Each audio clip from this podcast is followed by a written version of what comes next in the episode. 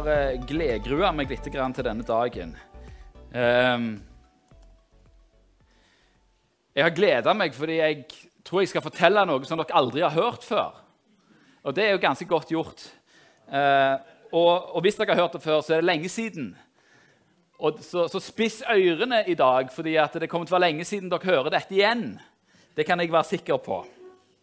Eh, men eh, på den annen side så, så, så er jeg litt sånn eh, Gruer meg litt òg, fordi at eh, utgangspunktet kan virke fryktelig tørt. Det er ikke tørt, men det kan virke tørt. Eh, så, så jeg, jeg, må bare si det på forhånd. Og kanskje blir det litt langt òg. Eh, jeg ser at jeg har fem notatark i dag, og det er ett mer enn det jeg pleier å ha. Så vi får håpe at dette går bra. Prøve å henge med. Dette er òg mest antall slides jeg har hatt noen gang. Så OK. Overskrifta i dag er 'helliggjørelse', betydningen av pinsefesten. Eh, jeg snakket om eh, I påsken så snakket jeg om eh, at vi skulle gå inn i, Jeg begynte da en serie som handla om de tre jødiske pilegrimsfestene som vi finner i Gamle testamentet. Den første av disse var Pesach, som betyr forbigang, eller påske, som vi kaller det. I dag skal vi se på den andre av de jødiske pilegrimsfestene, som da er shavuot, eller uker, som vi kaller pinse. Shavuot. Og 16. oktober kommer jeg tilbake for å snakke om sukkot, som da betyr hytter, eller det vi kaller for løvhyttefesten. Loven forteller da at tre ganger om året så skulle eh, Israel samles til fest. Eh, og felles for disse Festene eh, var at de var minnesmarkeringer over bestemte hendelser i Israels historie. Eh, og Spesielt Israels utvandring fra Egypt. Og så var de òg sentrert rundt innhøstning. Så det var fester som samla hele folket. Det er minnesmarkeringer, og så er de sentrert rundt innhøstning. Og så, Som jeg sa forrige gang jeg hadde dette temaet, så kan man jo spørre seg hvorfor skal vi se nærmere på jødisk jordbrukspraksis for 3000 år siden og deres fester. Vi lever jo ikke i den gamle pakt lenger. Nei. Hvorfor er dette aktuelt for oss? Jo, vi tror jo at hele Skriften er innånda av Gud.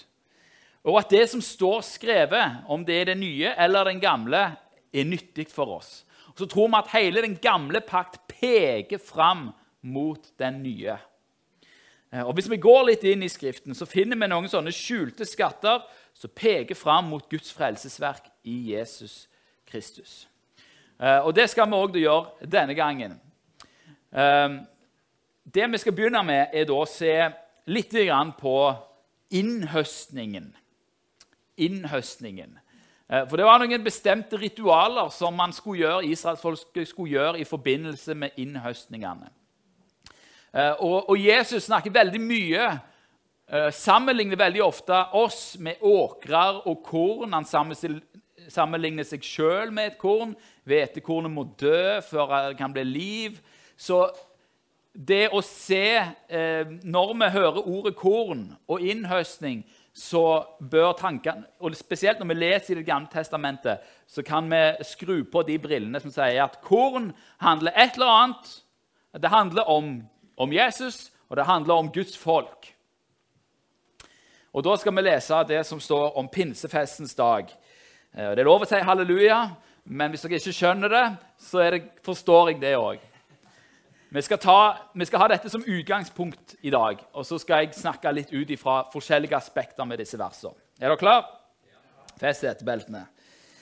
Dette er 3. Mosebok 23, 15-20. Hvis dere har lest 3. Mosebok, så vet dere at det er en ganske sånn oppramsende bok med veldig mye gjentagelser og veldig mange ting som ikke gir mening for oss, fordi vi er ikke i en sånn en situasjon. Men nå skal jeg prøve å se om jeg kan grave litt mening ut av det. Der står det da Fra dagen etter sabbaten, fra den dagen dere bærer fram svingekornbåndet Det er første påskedag, by the way. Skal dere telle sju hele uker 50 dager skal dere telle til dagen etter den 20. sabbaten. Da skal dere bære fram for Herren et offer av den nye grøden. Dere skal komme hjemmefra med to svingebrød som er laget av to tiendedeler av en efa fint mel og bakt med surdeig. De er en førstegrøde for Herren. Sammen med brødet skal dere føre fram sju års gamle lam uten lyte og en oksekalv og to værer. De skal være brennoffer for Herren. Og matofferet og drikkeofrene som hører til. Det er et ildoffer til velbehagelig duft for Herren. Og dere skal ofre en geitebukk til syndoffer og to års gamle lam til fredsoffer. Presten skal svinge dem sammen med førstegrødens brød og to lam for Herrens åsyn. De skal være viet til Herren og tilhøre presten. Det er lov å si amen. Amen. Dette er Guds ord.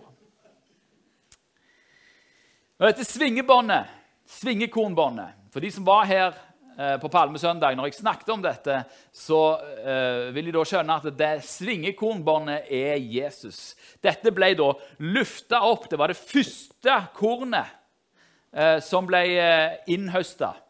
Eh, første byggkornet. og Så samla de den bunt, og så svingte de det for Herren. De løfta det opp for Herren. Og Dette ble gjort på første påskedag, tre dager etter, eh, etter at de hadde spist påskelammet. Så ble dette gjort. Dette er et bilde på Jesus Kristus, som er førstegrøden av de døde, som det står. Han er den første som har stått opp igjen fra de døde, eh, som et tegn på at det skal vi alle gjøre en dag.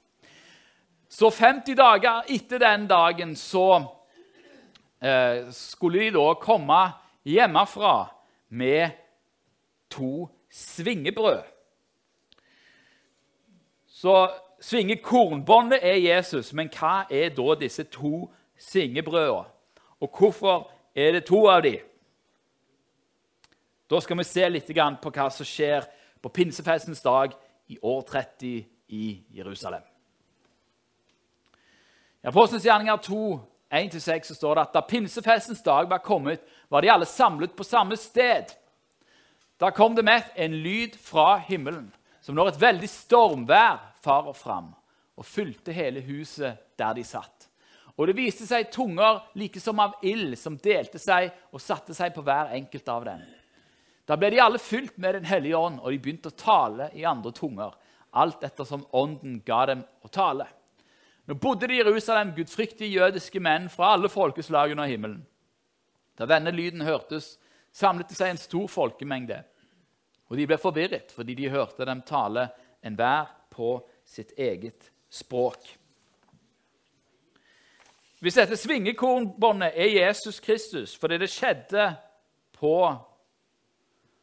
på første påskedag, så må disse svingebrødene som blir lufta opp, være disiplene. For det, det, som skjer på første påskedag, er at svingebrødet eh, reiste opp, og da sto Jesus opp. Eh, på pinsefesten dag så ble svingebrødene lufta opp, eh, og da fikk den disiplene Den hellige ånd.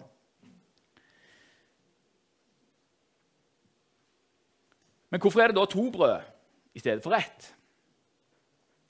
Hvorfor kunne det ikke bare vært ett svingekornbånd og ett brød? Hvorfor er det to brød? Det har jeg tenkt mye på i de siste dagene. Og uh, prøvd å si hva folk sier og sånne ting. Um, at det er to brød i stedet for ett, det kan ha flere forklaringer.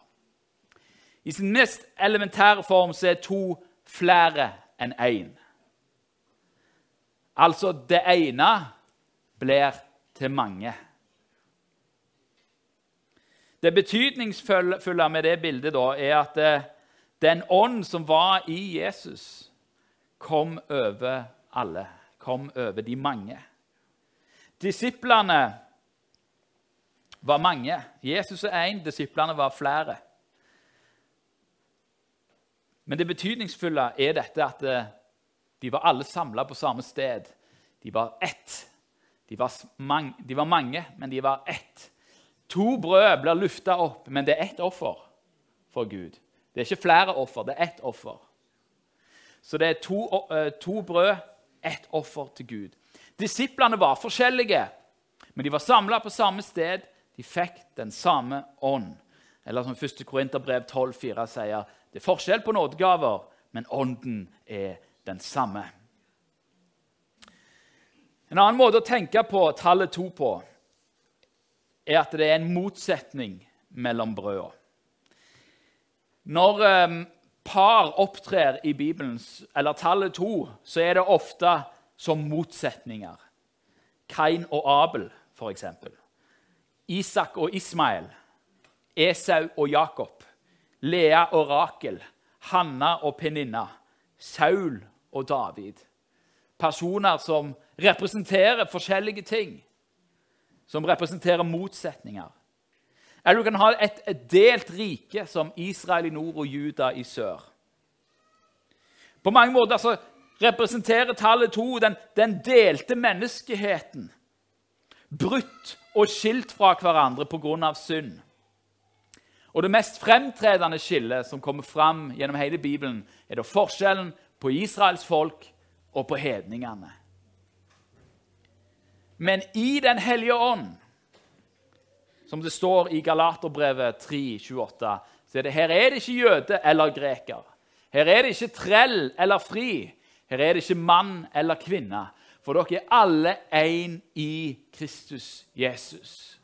Kolosserbrevet 3,11 sier her er ikke greker eller jøde, omskåret eller uomskåret, barbar, skyter, trell, fri. Kristus er alt og i alle. To brød ett offer.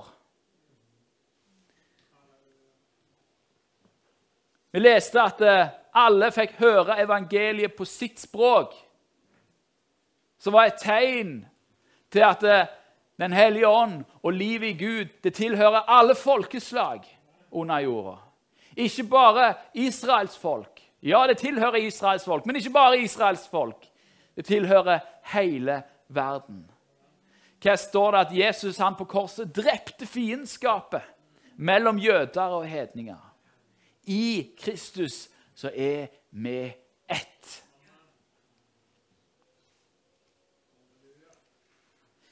Da skal vi litt tilbake igjen til denne teksten. Det er en detalj her som vi må bite oss merke i. Det står at det, dette svingebrødet det skulle bli bakt med surdeig bakt med surdeig. Hva i all verden betyr det, og hvorfor er det relevant? Er det noen her som eh, lager surdeigsbrød? Jeg vet at kona mi har lagd surdeigsbrød. Er det noen andre som har lagd surdeigsbrød? Ja. De som, eh, surdeigsbrød er eh, eller Det å lage surdeig er den eldste måten man vet om for å skape gjær i brød. eller gjæring i brød. Det er en sånn gjæringsprosess som gjør at brødet hever seg, og du får luftig og fint brød. Når gjæring er en form for fermentering eller en form for forråtnelse Og forråtnelsesprosess handler om død. Og Derfor er det spesifisert tidligere i 3. Mosebok at surdeig aldri skal brukes på alteret. I forbindelse med matofferet så står det her i 3. Mosebok 2, 11-12 at et matoffer som dere vil bære fram for Herren, må ikke lages til med noe som er syret. For verken surdeig eller honning må dere brenne som ildoffer for Herren. Som en førstegrødegave kan dere bære slike offer fram for Herren, men på alteret skal de ikke komme til velbehagelig duft. Surdeig ble altså sett på som noe som var ureint. Noe som ikke skulle komme på alteret. Og i dagligtalen til jødene så ble òg surdeig sitt på på denne måten. Faktisk bruker både Paulus og Jesus ordet surdeig som noe uttrykt negativt. I Matteus 16, 6 sier Jesus.: Se til å ta dere i vare for fariseernes og sadukeernes surdeig. Altså deres lære, som var forråtnelse, som var fordervelse, som ikke førte til liv. Og Paulus sier enda tydeligere.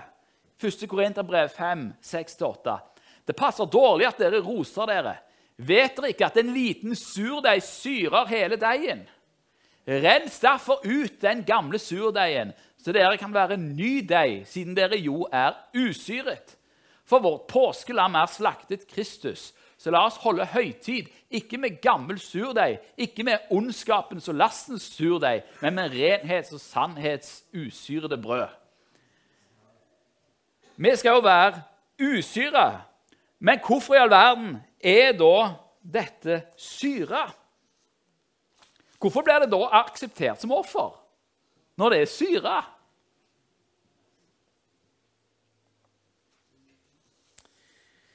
Nå kommer det ikke på alteret, dette her. Og det er et poeng med det. Men det blir akseptert som et offer for Gud. Hvorfor pålegges det å løfte fram surdeigsbrød? Og Hvis svingebrød nå, som er da lagd av surdeig, hvis det skal representere disiplene, står ikke det i ganske grell kontrast til det som vi nettopp har lest, til det Paulus og Jesus sier om surdeig? Det er bare én grunn til at disse svingebrødene kan løftes fram for Gud. Og Det er når vi ser hva som bør løftes sammen med dem. Sammen med brødet skal dere Dette her er fra den samme teksten. Sammen med brødet skal dere føre fram sju års gamle lam uten lyte og en oksekalv og to værer. De skal være brennoffer for Herren. Og matofferet, som besto av usyra brød, og drikkeofrene, som hører til. Det er et ildoffer til velbehagelig duft for Herren. Og dere skal ofre en geitebukk til syndoffer og to års gamle lam til fredsoffer. Presten skal svinge dem sammen med førstegrødens brød og to lam for Herrens åsyn.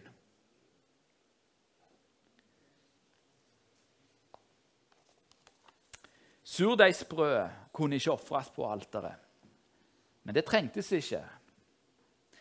Fordi det var usyra brød, feilfritt brød, sammen med alle andre tenkelige ofre, var blitt ofra på alteret allerede for at surdeigsbrødene kunne være behagelige for Gud. Disiplene, var de feilfrie? Nei, det var de ikke. Hvordan kunne disiplene være behagelige for Gud? Ved troen på Jesus Kristus, han som er vårt offerlam, han som er det usyrede brød, han som gjør at vi kan være usyra. Og på en fantastisk måte så viser denne teksten evangeliet. For disse brødene kan ikke komme på alteret. Men det har vært noe på alteret først. Lam har blitt ofra, alle tenkelige slags offer har blitt ofra, sånn at surdeigsbrød kan være behagelige for Gud. Jesus Kristus har blitt ofra for oss, sånn at vi kan være behagelige for Gud. Et offer for Gud. Og på pinsedagen så beviser Gud at Jesus sitt offer faktisk er det som, som, eh, som eh, At det er et velbehagelig offer. Fordi det som ikke var velbehagelig for Gud, det blir velbehagelig gjennom det Jesus har gjort ved at Den hellige ånd kommer over disse menneskene. Og så er det en liten hemmelighet til. Eller som, som Den hellige ånd sa til Peter Det som Gud har rensa, skal ikke du kalle ureint. Vi har blitt rensa ved Jesu blod. Hele verden har blitt rensa ved Jesu blod. Og ved å ta imot den så får vi del i Den hellige ånd, del i Gud sjøl. Halleluja!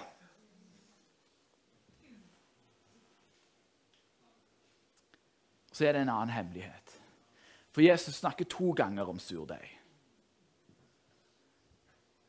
Pass dere for fariseernes og sadukeernes surdeig. Ja, men så sier han òg dette i Matteus 13, 33. En annen lignelse fortalte han dem. Himlenes rike er likt en surdeig som en kvinne skjulte i tre kar mel til alt var blitt gjennomsyret. Surdeig har kraft. Det trenger gjennom til det syrer hele deigen. På pinsedag så ble Den hellige ånd utgitt. Og Guds rike, som er inni oss i kraft av Den hellige ånd, den tømmes utover disiplene surdeigsbrøda. Og kraften som er i denne ånden, i denne surdeigen, det er evangeliets kraft. Det er de gode nyhetene om Guds rike i Jesus Kristus. Det har kraft til å nå jordens ender. Dette her er hele kirkas tidsalder i én setning. Himlenes rike er likt en surdeig som en kvinne skjulte i tre kar mel til alt var blitt gjennomsyra. Jesus Kristus, han har gitt sin ånd til oss. Han ga sin ånd til disiplene. Og det sprer seg nå gjennom hele verden, inntil alle folkeslag skal få høre at Jesus Kristus er Herre, at han har dødd for dem. Og Den siste passasjen som jeg skal ta i akkurat dette som handler om innhøstning, det er den siste setningen, det siste verset i vers 20. Der står at disse var innvia til Herren. Gjennom disse brødene var innviet til Herren, de skulle bare spises av presten. Gjennom, disse, gjennom ofrene som hadde blitt gjort, så hadde disse brødene blitt tilsidesatt for Gud, for presten. De hadde blitt innviet til Herren. Med andre ord så hadde de blitt hellige, for det er det å hellige noe betyr. Det betyr å sette noe til side. Hell, hellig betyr tilsidesatt. Det har en annen funksjon. Det er derfor jeg har kalt denne, denne talen for helliggjørelse. For ved Den hellige ånd så blir vi gjort til hellige. Hvordan er det Paulus hilser alle menighetene i brevene sine? Han sier 'til de hellige i Korint', 'til de hellige i Galatia', 'til de hellige som er i Rom'. Det er alltid de hellige. Hva er det som gjør oss hellige, da? Det er troen på Jesus Kristus som gjør at vi får ta imot Den hellige ånd. Vi er tilsidesatt for Gud for å tjene Han i Hans ånd. Det siste jeg vil si, som handler om innhøstningen, det er at pinsefesten òg markerte starten på sesongen hvor man bar den første frukten av sitt arbeid til tempelet. Dette er jo en del av det. Dette var jo slutten på kornhøsten når man bar førstegrøten. Det var disse to brødene. Men samtidig så markerte det starten på perioden der man begynte å bære fram den første frukten. Nå skal jeg bare lese for dere, for det, det, ble for langt å ta opp på, på, uh, ja, på powerpointen. Men jeg skal lese fra 5. Mosebok 26, 1-11. Der står det når du kommer inn i det landet Herren din Gud gir deg til arv, og du tar det i eie og bor der, da skal du ta førstegrøden av all jordens frukt som du høster i det landet Herren din Gud gir deg. Du skal legge det i en kurv og gå til det stedet Herren din Gud utvelger for å la sitt navn bo der. Du skal gå til den som er prest på den tiden, og si til ham:" Jeg, vinner, vitner i dag for Herren din Gud at jeg har kommet inn i det landet Herren med ed har lovt våre fedre å gi oss. Og presten skal ta kurven av din hånd og sette den ned foran Herrens, din Guds alter. Der skal du ta til orde og si for Herrens din, Herrens, din Guds åsyn. Min far var en omvankende arameer. Han dro ned til, Egypt, til Egypt og bodde der som fremmed med en liten flokk. Der ble han til et stort, sterkt og tallrikt folk. Men egypterne for ille med oss og plaget oss og la hardt trellearbeid på oss. Da ropte vi til Herren, våre fedres Gud. Og Herren hørte vår røst og så vår nød, vårt strev og vår trengsel. Og Herren førte oss ut av Egypt med sterk hånd og med utdrakt arm og med store, forferdelige gjerninger og med tegn og under. Han førte oss til dette stedet og ga oss dette landet, et land som flyter med melk og honning. Her kommer jeg nå med førstegrøden av landets frukter, som du, Herre, har gitt meg. Så skal du legge det ned for Herren din Guds åsyn og tilbe for Herren, Herrens din Guds åsyn. Og du skal glede deg over alt det gode Herren din Gud har gitt deg og ditt hus, du og levitten og den fremmede som bor i ditt land. Lang passasje. Men poenget er at førstegrøten av all frukt skulle bringes til presten. Og det skulle bringes til presten som et tegn på at Herren hadde fullført sin frelsesplan for Israel. Logikken var sånn som dette. Hvis du har førstegrøde av frukt, så betyr det at du bor i landet. Alt er altså fullført. Det Gud har lovt, det har han gjort. Og den frukten, det er tegnet på det. I Romerbrevet 8,23 så står det ja, ikke bare det, men også vi som har fått Ånden som førstegrøde. Også vi sukker med oss selv mens vi lengter etter vårt barnekår, vårt legemes forløsning.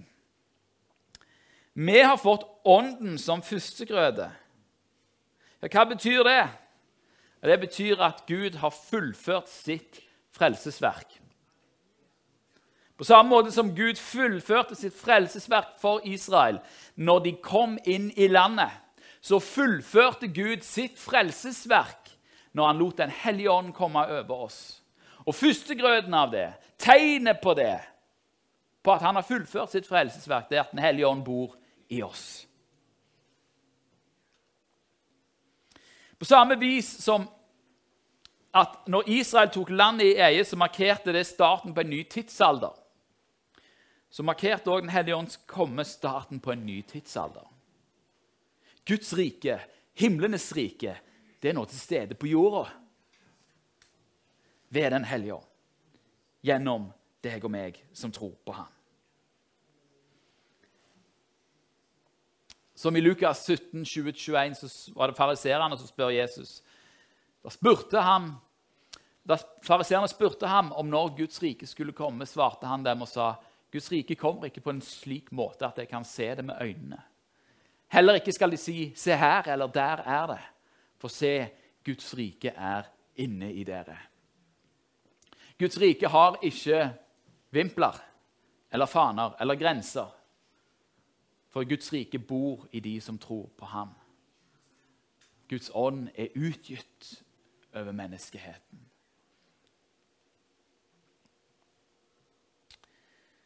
Henger dere med så langt? Svingebrød. Det har fått en ny betegnelse. Dere hjem og bake surdeigsbrød og lufte de opp.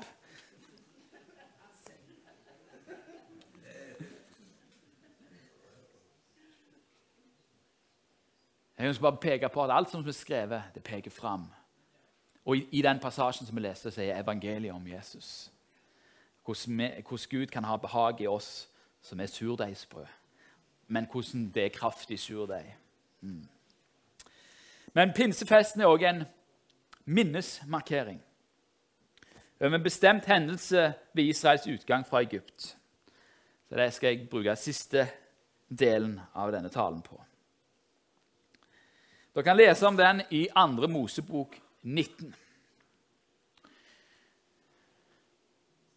Det som det er minnesmarkering for, er at loven kom at loven kom på Sinai-fjellet. Det ble markert hver pinse. Og så kan du, Hvis du har lest Bibelen, så vil du se at det, det står jo ikke noe om at de skal huske på eh, loven om pinsefesten. Hvordan i all verden kommer de fram til det? Det er en jødisk tradisjon den dag i dag at man eh, eh holder på med pinsen. Eh, eller eh, feire loven, at loven kom på pinsen. Det begynner i 2. Mosebok 19.1. Og det begynner med, og Der står det at på tremånedersdagen etter at Israels barn var dratt ut av landet Egypt, kom de til Sinai-ørken. Så nå har Israel har gått ut av Egypt gjennom Rødehavet, og nå er de på vei til Sinai. Og De kommer da til Sinai på tremånedersdagen. Og hva betyr det? Tremånedersdagen etter at Israels barn var dratt ut av Egypt. I min bibelkommentar her så står det at, eh, at, at det var eh, tremånedersdagen, dvs. Si den tredje måneden, dvs. Si etter to måneder. Altså Nå hadde da den tredje måneden begynt etter at de dro ut. sånn at dette var to måneder etter at de hadde gått ut av, av, eh, av, eh, av Egypt. Eh, det er ikke sånn jødene forstår, forstår det. Eh, snarere så forstår de at dette er den første dagen i den tredje måneden. Eh, og jeg tror det stemmer. Det betyr at eh, Israels folk brukte litt over seks uker på å reise til Sinai-fjellet. Nå, nå skal jeg vise deg hvordan man kommer fram til dette. Jeg har studert masse jødiske kalendere og eh, gått inn på jødiske sider for å høre, for liksom forstå hvordan er det de regner seg fram til dette. At, at eh, Gud møtte israelsfolket på pinsedag. Så nå skal jeg ta dere med på det regnestykket. Tremånedersdagen er dag 46 etter at de kom ut. Det har jeg regna på på de jødiske kalenderne. Eh, Og så Videre i eh, 2. Mosebok 19 så kan vi lese at, eh, at eh, Moses han går opp og ned fra fjellet på dag 47. Eh, Det står ikke spesifikt at den neste dagen. Det bare står at Moses gikk opp på fjellet. Og Der tolker de det da at det tar eh, en dag å gå opp og ned dette fjellet. Så du, du tar ikke, Det står at Moses går opp og ned, men det tar jo litt tid. Eh, Så Derfor så tenker man at én tur, tur opp og én tur ned, det er én dag. Det er sånn man fortolker dette. her. Og jeg syns det er en urimelig fortolkning. Da vil man da si at Moses, si at Moses går opp eh, på Sinai-fjellet og, og får komme ned eh, med et spørsmål fra Gud. Folket svarer på det, og han går da opp igjen på fjellet på dag 48. Eh, det kan vi lese om i vers 8-14. Og får nye beskjed fra Gud, der Gud sier til dem at de skal holde seg i ro. Og Det gjør de da på dag 49, vers 15. Og på den tredje dagen så skulle de da møte Gud, altså på dag 50. Så skal vi lese hva som skjer da på dag 50, på pinsefestens dag. Så skjedde det på den tredje dagen den tredje dagen, da, tredje dagen etter at de skulle holde seg i ro og, og liksom hellige seg. Så skjedde det på den tredje dagen etter 2. Mosebok 19, 16-18. Det skjedde på den tredje dagen da morgenen brøt fram. Da tok det til å tordne og lyne. En tung sky la seg over fjellet, og det hørtes en meget kraftig lyd fra horn. Da skalv alt folket i leiren. Men Moses førte folket ut av leiren til møte med Gud. Og de stilte seg nedenfor fjellet. Hele Sinai berg sto i røk, fordi Herren var steget ned på det i ild. Røken steg opp som av en smelteovn, og hele fjellet skalv. Hva var det vi leste i Apostlenes gjerninger 1? Nei, 2, mener jeg. Skal jeg lese det for dere en gang til mens dere har dette her oppe?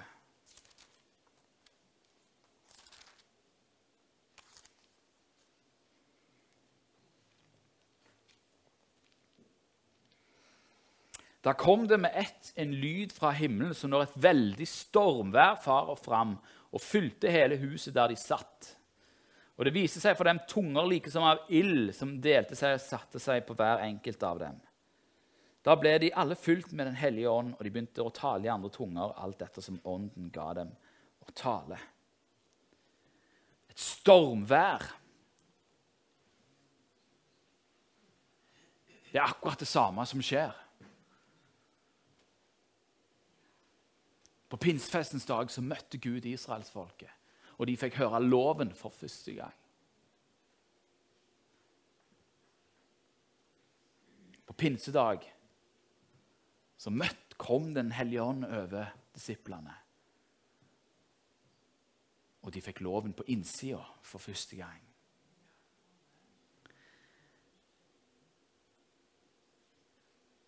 For uansett hvor heftig denne dagen her er, denne loven, denne dagen, den første pinsedag, når, når, når israelittene får møte Gud for første gang, og loven kommer, det som er det, det høyeste, det beste Så er det sånn at konsekvensen av loven blir død. Ikke fordi loven ikke er god, men fordi folket ikke er godt.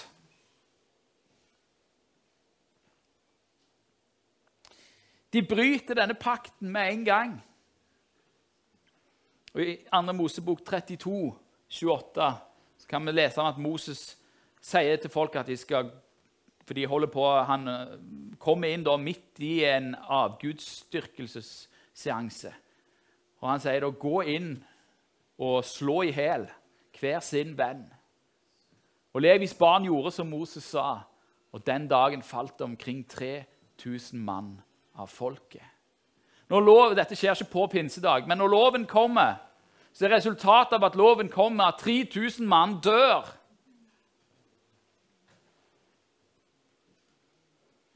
Og Derfor så sier Jeremia i Jeremia 31, 31-34 Så dager kommer, sier Herren, da jeg vil opprette en ny pakt med Israels og med Judas hus. Den skal ikke være som den pakten jeg opprettet med deres fedre på den dagen da jeg tok dem ved hånden og førte dem ut av landet Egypt. Den pakten med meg som de brøt, enda jeg var deres ektemann, sier Herren. Men dette er den pakten jeg vil opprette med Israels hus etter de dager, sier Herren. Jeg vil gi min lov i deres sinn og skrive den i deres hjerte. Jeg vil være deres Gud, og de skal være mitt folk. De skal ikke lenger lære hver sin neste og hver sin bror å si 'Kjenn Herren', for de skal alle kjenne meg. Både små og store, sier Herren. For jeg vil forlate deres misgjerning og ikke lenger minnes deres synd. Og når Jesus dør på korset, så, så forlater han oss våre misgjerninger, og så minnes han ikke lenger våre synd. Og, kan, og, på pinsedag så blir Den hellige ånd åpenbart i hjertene. Loven blir skrevet i hjertet. Og dere som har Den hellige ånd, dere vet hva jeg snakker om, for dere vet når Den hellige ånd minner dere på at det må du vende deg fra. Det er en lov som har blitt gitt i hjertet ditt gjennom Den hellige ånd. Det er en ny pakt som Gud har gjort. Som ikke er basert på hva vi får til, men som er basert på hva han har gjort, og hva han gjør. Og hva er konsekvensen av det? Vi leste at Lovens konsekvens var at 3000 mennesker dør. I Apostelens gjerninger 2,41 så ser vi at de som nå tok imot hans ord, ble døpt. Og den dagen ble det lagt til omkring 3000 sjeler. For når loven kom, så dør 3000 mann. Men når ånden kom, så blir 3000 mann frelst.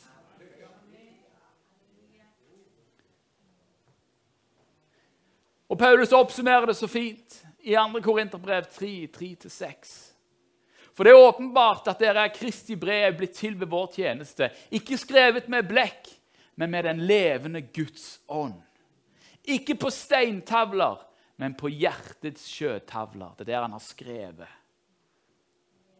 En slik tillit har vi til Gud ved Kristus. Ikke stå at vi av oss selv duger til å tenke ut noe som av oss selv. Det er ikke det at jeg er så fantastisk, men vår dugelighet er av Gud. Han som også gjorde oss dugelige til å være tjenere for en ny pakt. Ikke bokstavens, men åndens pakt. Det er den nye pakt. For bokstaven slår i hæl, men ånden gjør levende. Vi trenger Den hellige ånd. Og Den hellige ånd er her.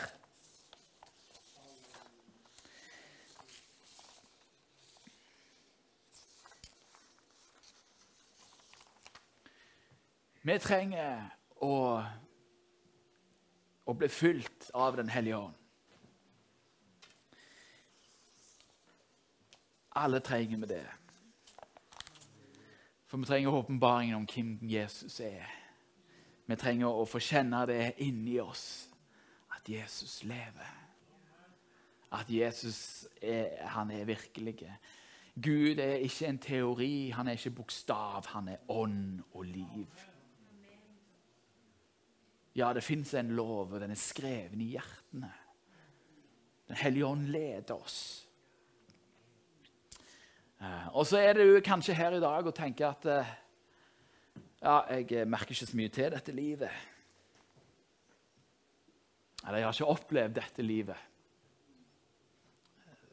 I dag er det første pinsedag. I dag er det mulig å oppleve det.